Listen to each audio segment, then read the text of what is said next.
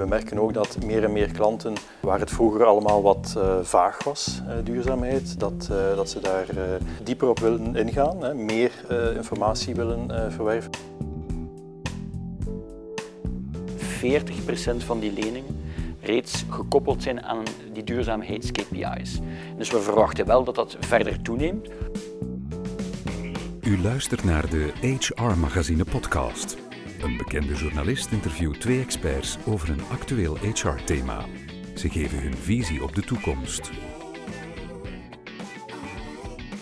Hey en welkom bij een nieuwe aflevering van Studio Finance. We gaan het over duurzaam ondernemen hebben vandaag.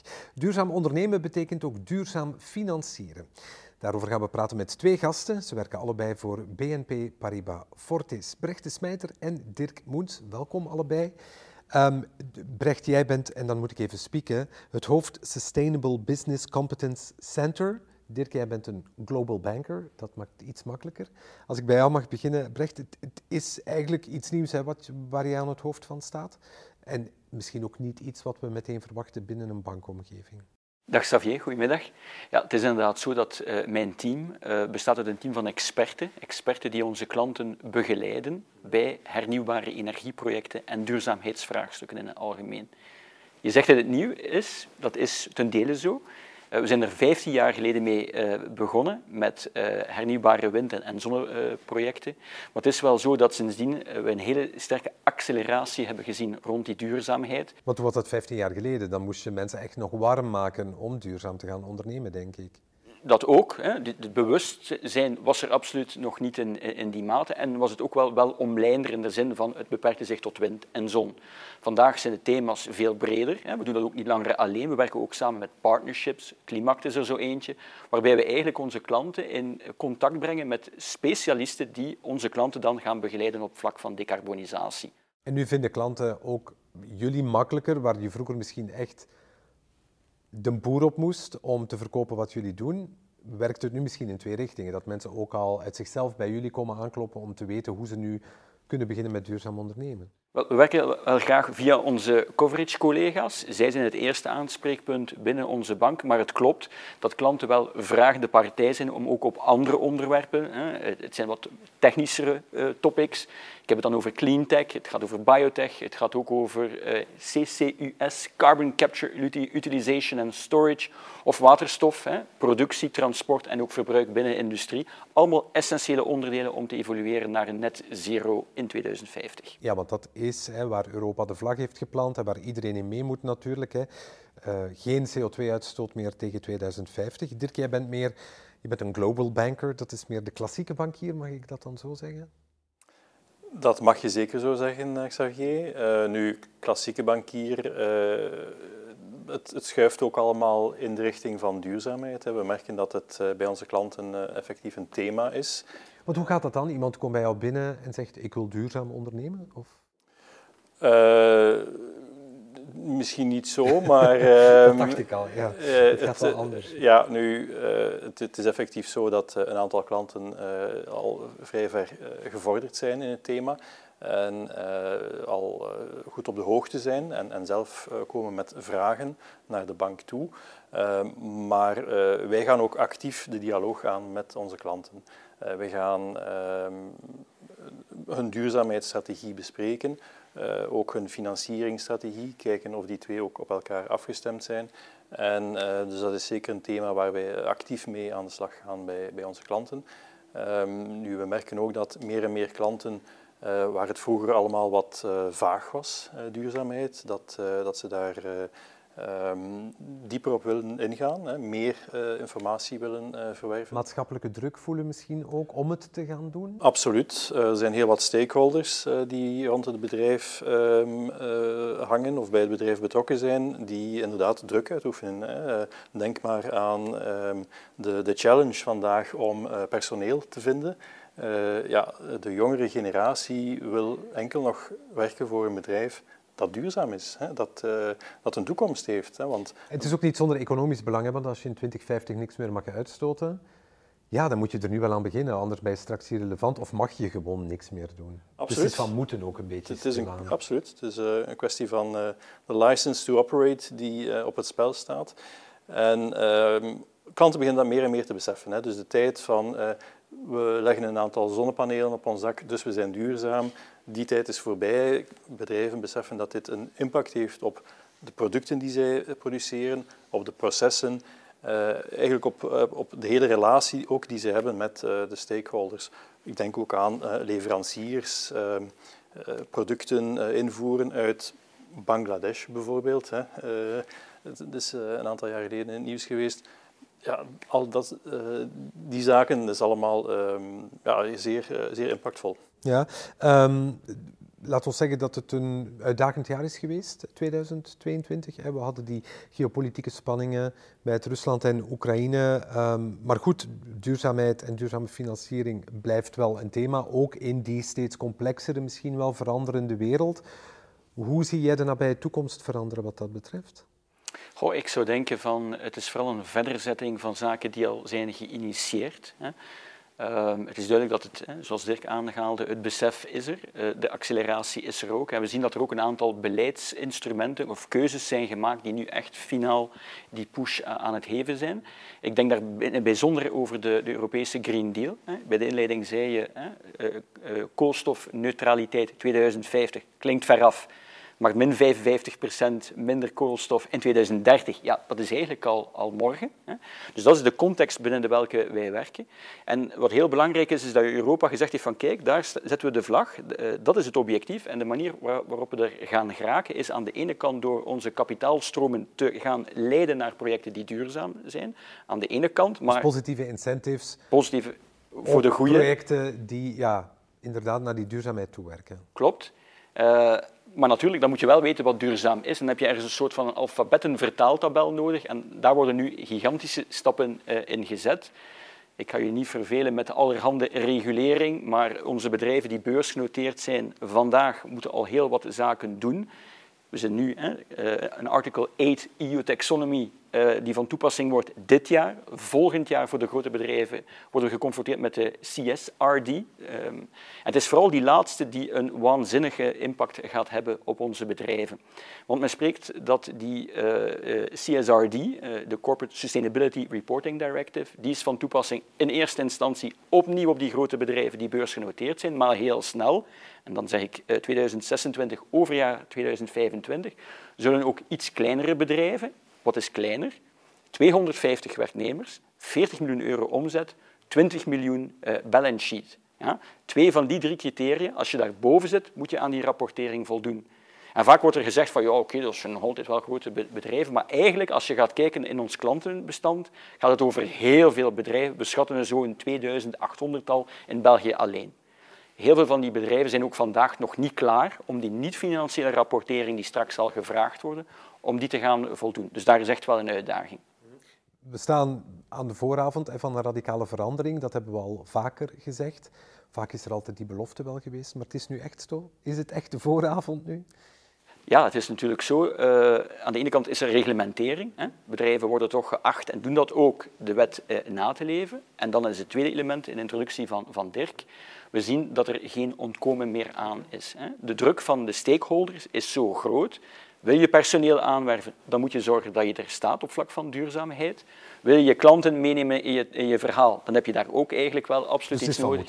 Het is van moeten. En een wettelijk kader dat ons ertoe dwingt. Dat het de pad tekent waarop we die wandeling gaan, gaan maken, ja. Ja, ik heb al een paar keer de naam stakeholders horen vallen. Wat is hun rol in die hele vergroening, verduurzaming van ondernemen en vooral het financiële aspect dan?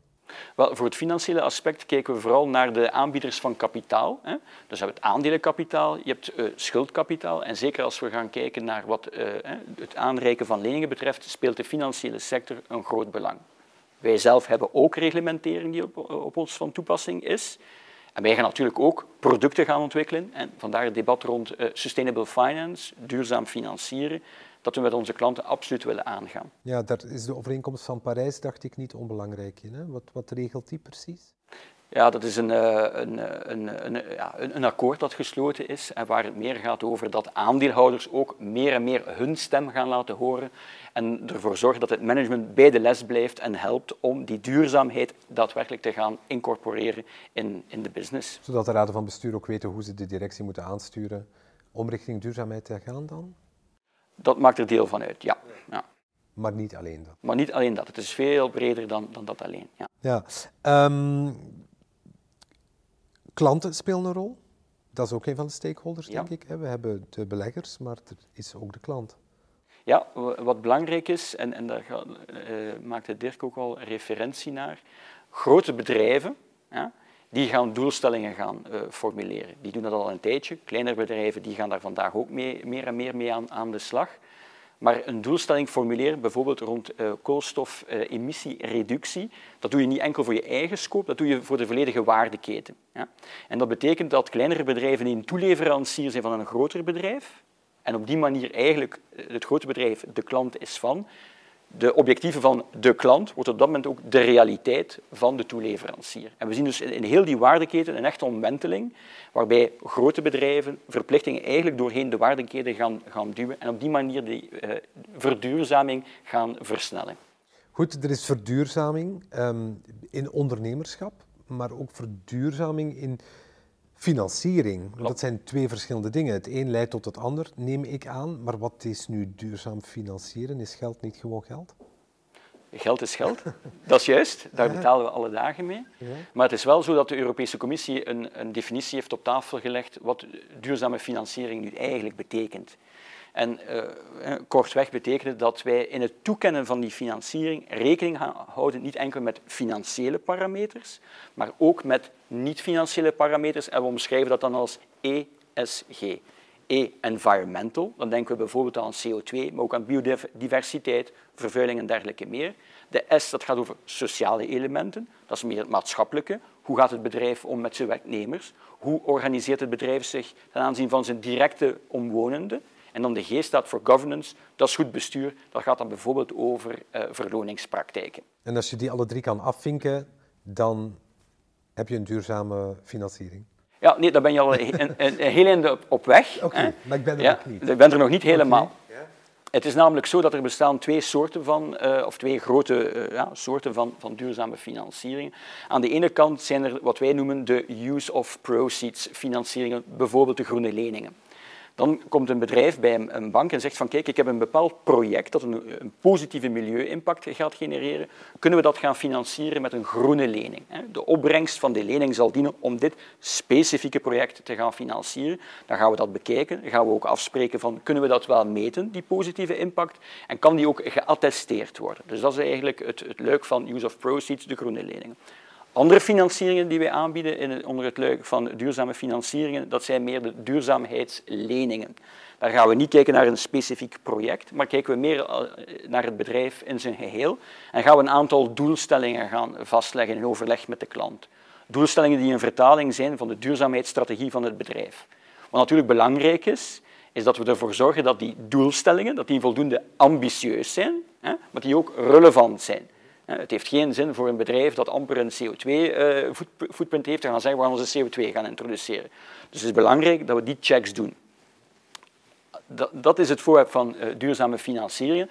Maar dat betekent niet dat één ieder daar toegang aan krijgt. Wij zelf als bank gaan ook die ESG-screening gaan doen van onze klanten. Van wel, welke tools, welke policy hebben jullie nu precies in plaats? Wij gaan ook gaan kijken van, we hebben bepaalde sectoren waar we een niet inactief zijn of uiterst omzichtig inactief zijn, moeten we daar ook een, een bijkomende check gaan doen. En we hebben wel bepaalde partijen met welke wij niet kunnen of wensen te werken, en dat zijn ook checks die we doen. En dus het is pas als daar, hè, ofwel het voorwerp is het bedrijf dat alle checks wordt voldoen, dat de klant toegang kan krijgen tot die duurzame financiering. Dat is eigenlijk de back-office, Dirk. Jij bent de front-office, mag ik dat dan zo zeggen? Je hebt dat directe contact hè, met, met ondernemers. Als je dat woord laat vallen, duurzaam ondernemen, wat is dan de eerste reactie? Of duurzaam financieren, zal ik het misschien daarop houden? Wel, er zijn twee mogelijke reacties. Uh, er zijn een aantal klanten die denken van, uh, gaat het dan goedkoper zijn? Dat, dat, is, niet, dat, dat, is, niet, de reactie. Het, het, is wel wat goedkoper, inderdaad. Um, de rentevoet bedoel je is lager De rentevoet die zij moeten betalen is wat lager, maar het is niet het grote uh, verschil. Mm -hmm. uh, het is eigenlijk ook niet de reactie die we zoeken, uiteraard in eerste instantie. Betaal misschien wel, als je hoort dat het minder gaat kosten. maar eigenlijk de, de meeste klanten uh, zijn, zijn wel geïnteresseerd, hè, omdat zij beseffen dat hun financiering moet afgestemd zijn op hun uh, duurzaamheidsstrategie. En ehm, dat creëert een, een, bijkomende incentive in het bedrijf. Hè. Um, maar is ook een signaal naar de stakeholders toe. Hè, van kijk, onze financiering is uh, duurzaam. Dus dat wil zeggen dat wij ook effectief geëngageerd zijn om die duurzaamheidsstrategie die het bedrijf heeft ten volle te realiseren. Je zegt het is belangrijk voor onze stakeholders. Voor alle stakeholders, ik neem aan voor die van de klant ook, hè, voor zover die er veel zou hebben, maar ook voor de bank. Um, voor het imago van de bank ook belangrijk? Uh, ja, we doen het niet uh, specifiek voor het imago van de bank, maar uh, het is uiteraard zo dat wij, dat wij als bank een, een, duurzaamheidsstrategie ook voeren en dat uiteraard in dat kader ook wel groene leningen en duurzaamheidsleningen verstrekt worden aan onze klanten. En dat dat uiteraard alleen maar kan bijdragen tot, tot het vertrouwen in, in de banken. Dus de klant komt bij jou, jij roept dan door de intercom als die klant weg is. Brecht, kom eens, want we moeten eens praten. Ik heb dit bedrijf, wat zou hier mogelijk kunnen zijn? Want het is geen one size fits all, neem ik aan. Het is, jullie gaan echt op bedrijfsniveau kijken wie voor wat in aanmerking komt. Dat klopt, uh, want zoals uh, Brecht daar juist uh, uitgelegd heeft, um, Ofwel gaat het om een groene lening, hè, dan moeten we gaan bekijken, uh, één, komt die klant daarvoor in aanmerking? Twee, uh, is het project dat hij wil financieren, is dat uh, effectief een project met een positieve impact op duurzaamheid? Of in het geval van een duurzaamheidslening moeten we ook weer gaan kijken, ja, uh, de, de, doelstellingen die we voorop zetten, hè, de KPI's, hè, zijn die, zoals Brecht daar juist ook zei, zijn die relevant voor het bedrijf? Hè? En zijn die ook um, enerzijds ambitieus genoeg, anderzijds ook wel haalbaar genoeg? Hè? Ja, want er is veel, hè. Uh, groene obligaties, groene leningen, sociale obligaties, sociale leningen, duurzame obligaties, duurzame leningen, duurzaamheidsleningen, duurzaamheidsobligaties.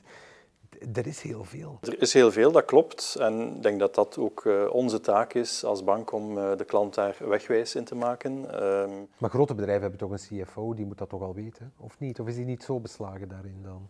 Wel, we merken dat dat meer en meer begint door te dringen, maar uh, er is toch nog een parcours af te leggen. Uh, en zeker, ja, België is een land van KMO's, uh, dus zeker op, op het vlak van KMO's is er toch nog wel wat begeleiding die de bank kan bieden aan haar klanten. Want ik met mijn eenmanszaakje, moet ik komen aankloppen voor een groene lening of een duurzaamheidslening? Of zeg je dan nee, dat is alleen voor de grote jongens?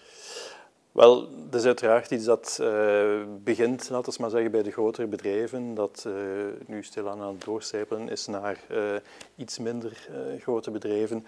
En dat uiteindelijk ook wel zal doorcijpelen naar de kleine garnalen zoals ik bedoel je. Maar dat is, dat is oké okay, hoor. ik heb mijn plaats. Nee, ik ben er mee aan het lachen. ik ben er mee aan het lachen. Nee, nee. Um, Brecht, goed, dat, de front office komt dan terug naar de back office en, en doet allerlei voorstellen. Um, maakt het voor jullie uit hoe groot of hoe klein het bedrijf is? Kijken jullie daarnaar? Op zich maakt het niet uit, maar natuurlijk is het wel zo dat eh, een groot bedrijf, dat ook beursgenoteerd is, vaak eh, dedicated of eh, specifieke teams ter beschikking heeft, heel veel rapporten heeft. Dus het is logisch dat je daarmee begint. Dat is ook de trend die we op de markt hebben gezien, al uh, 10, 15 jaar geleden, waarbij heel grote bedrijven, begeleid door banken, tailor-made oplossingen krijgen. Daar, op basis daarvan zijn er ook sectorinitiatieven genomen, bijvoorbeeld de Loan Market Association, die ook standaarden heeft bepaald wat is een groene lening, hè, wat, is een, een, eh, wat zijn sustainability linked, wat zijn die duurzaamheidsleningen. En dus dan is het logisch dat je van bij die grote begint en dat je dan inderdaad het, het kleinere of het middenbedrijf, de KMO-wereld opzoekt. En inderdaad, zoals Dirk zegt, van uiteindelijk gaat het ook eh, tot bij de eenmanszaak uh, terechtkomen. Maar het is wel zo natuurlijk dat we daar kijken naar standaardisatie. We kunnen ook niet van een klant die 15 man ter beschikking stelt verwachten dat hij een CSR-manager heeft. Dus dat, dat kan gewoon niet, dat werkt niet. Dus daar moeten wij als, als bank helpen. En dat doen we ook door naar industrialisatie te gaan streven. Ja, nu dat het... Um hoe zal ik het dan zeggen, financieel interessanter is geworden misschien om te verduurzamen, omdat ook de geldstromen volgen. Moet ik het nu zo zien dat bedrijven die misschien nog wat in de wachtzaal zaten, daar nu uitkomen en dat het, de bulk van het geleende kapitaal gaat ontzettend groeien de komende jaren? Het is zeker onze verwachting dat dat de komende jaren sterk gaat groeien, absoluut. Ehm, we merken dat de banken daarmee bezig zijn, maar dat ook investeerders, die bijvoorbeeld in obligaties investeren, dat ook zij hun fondsen willen richten naar duurzaamheidsprojecten. Ehm, dus we verwachten absoluut dat dat zeer sterk zal groeien de komende jaren en op termijn gewoon het nieuwe normaal zal worden. Ja, want de lening die we kennen, dat is financiering op basis van opbrengst. Hè. Dat zit hier ook voor een stukje in met groene leningen bijvoorbeeld. Maar als je kijkt naar uh, financiering voor algemene bedrijfsdoeleinden, misschien iets minder tastbaar. Um, moeten we ons daar op een bepaalde manier zorgen over maken dat dat de financiële markt anders gaat doen kantelen of niet? Ik zou denken, doen kantelen is, is denk ik niet eh, een juiste manier om naar de zaak te kijken. Wat, wat wel een realiteit is, uh, we gaven daarnet wat, wat cijfers. Vandaag, als we naar de, de grote gesyndiceerde loonmarkt gaan kijken, zien we dat 40% van die leningen reeds gekoppeld zijn aan die duurzaamheids-KPI's. Dus we verwachten wel dat dat verder toeneemt. En wat als dat niet zo is, in hoeverre kunnen jullie dan ingrijpen? Ja, ingrijpen. Ik denk dat, uh, Want de lening is wel gegeven, kan je die dan terug intrekken? Dit gaat over nieuwe leningen die worden aangegaan. En dus ja, leningen hebben een bepaalde looptijd. Leningen worden dan op dat moment herfinancierd. En op dat moment komen dit soort van gesprekken wel op tafel. Vandaag is dat niet dwingend. Hè. We willen met klanten in dialoog gaan. Maar het kan wel zijn op een bepaald moment hè, dat, uh, dat die gesprekken iets uh, intensiever worden omdat we toch allemaal hè, die doelstellingen, eh, die zowel eh, op de bedrijven als op de financiële sector worden gelegd, dat die die wel willen halen natuurlijk. Maar daar staat nu geen sanctie tegenover. Dat als je beloftes hebt gedaan om een aantal doelstellingen te halen en als je die niet haalt, dan wordt de rente niet ineens verhoogd of zo, ik zeg maar. Het is wel zo dat uh, als het over die duurzaamheidsleningen betreft, dat uh, als de bedrijf de vooropgestelde KPI's gaat, krijgt men een kleine uh, korting. Dat is de positieve incentive. Wat wel zo is, als men die niet haalt, dan wordt er wel een, een, een kleine penaliteit bijgerekend. Dus er zit wel echt een systeem in van dus geven en nemen. De ja, ja. Waarom zou ik als um, bedrijf kiezen voor al die groene duurzaamheidsleningen en men niet gewoon financieren? Wat heb ik daarbij te winnen?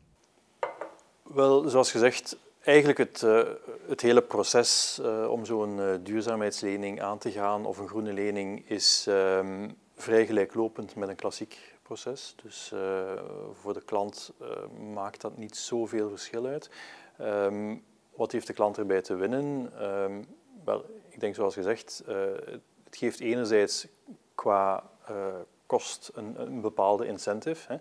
Hè. Anderzijds um, is het een, een, belangrijk signaal naar alle stakeholders toe van het bedrijf dat um, uh, het, uh, het, bedrijf echt wel menens is met uh, haar duurzaamheidsstrategie en dat ook de financiering daar volledig op gealigneerd is. Ja, het is meer wat je uitdraagt eigenlijk. Klopt, ja. Dat dat over die hele bedrijf doorcijpelt. We hebben duurzaam geleend, noem ik het dan maar. Het geeft ook een zekere consistentie binnen het bedrijf. Hè, dat de boodschap die gegeven wordt, dat dat niet... Um, ja, uh, enkel maar om een, aantal uh, projecten van uh, de duurzaamheidsmanager gaat, maar dat het ook effectief door het, het volledige bedrijf gedragen wordt. ook in de financiering is dat op die manier dan weerspiegeld. En hoe ziet die markt er eigenlijk vandaag uit, die sustainable finance markt? Ja, daar kunnen we natuurlijk heel veel cijfers uh, over geven. Uh, als ik kijk naar het totaal uitstaand bedragen aan duurzaamheidsfinancieringen wereldwijd, spreken we over 1600 miljard. Dus dat zijn, uh, dat zijn er wel een heel pak. Um, als we dan meer in Europa gaan kijken, hebben we dan uh, die gesyndiceerde syndicated loans met een, een, een, een, duurzaamheidslink. En daar spreken we over een bedrag jaarlijks van 450 miljard euro. Maar zoals ik daarnet eh, aangaf, ja, eh, op zich, die bedragen willen misschien niet zoveel zeggen. Wat we wel zien, is dat we een, sterke toename zien in eh, kredieten die vroeger normale kredieten waren en die, waar, men, vandaag die duurzaamheid echt wel specifiek willen gaan incorporeren. Dat aandeel dat stijgt al, altijd maar. Ik wil graag stilaan gaan afronden. Heb ik nog iets over het hoofd gezien? Is er iets wat jullie zeker nog gezegd willen hebben? Wat ben ik vergeten, Brecht? Wel, het was al sinds een, een aangenaam uh, gesprek, Xavier. Ik zou toch nog wel aan de kijker uh, twee zaken willen uh, meegeven. Ik denk dat het voor iedereen wel duidelijk is dat die transitie iets is waar we door moeten, dat dat ook vooral nieuwe business eh, opportunities creëert. Dus laat ons die vooral grijpen aan de ene kant. En aan de tweede kant is er het stukje toch het dwingende luik uit de, de, de regulering. Vooral het CSRD-verhaal, waar onze KMO's zich toch moeten voor klaarmaken, omdat in 2026, ja, dan is het dan, het moment is daar. Ja, ja, dan, dan is het van moeten, terwijl het nu nog van mogen is misschien. Misschien nog één boodschap. Ehm, BNP Paribas Fortis staat voor de bedrijven klaar om uh, daar de voldoende begeleiding in te bieden ook. Dankjewel Brecht de Smijter en Dirk Moens. En u bedankt voor het luisteren naar een nieuwe aflevering van Studio Finance.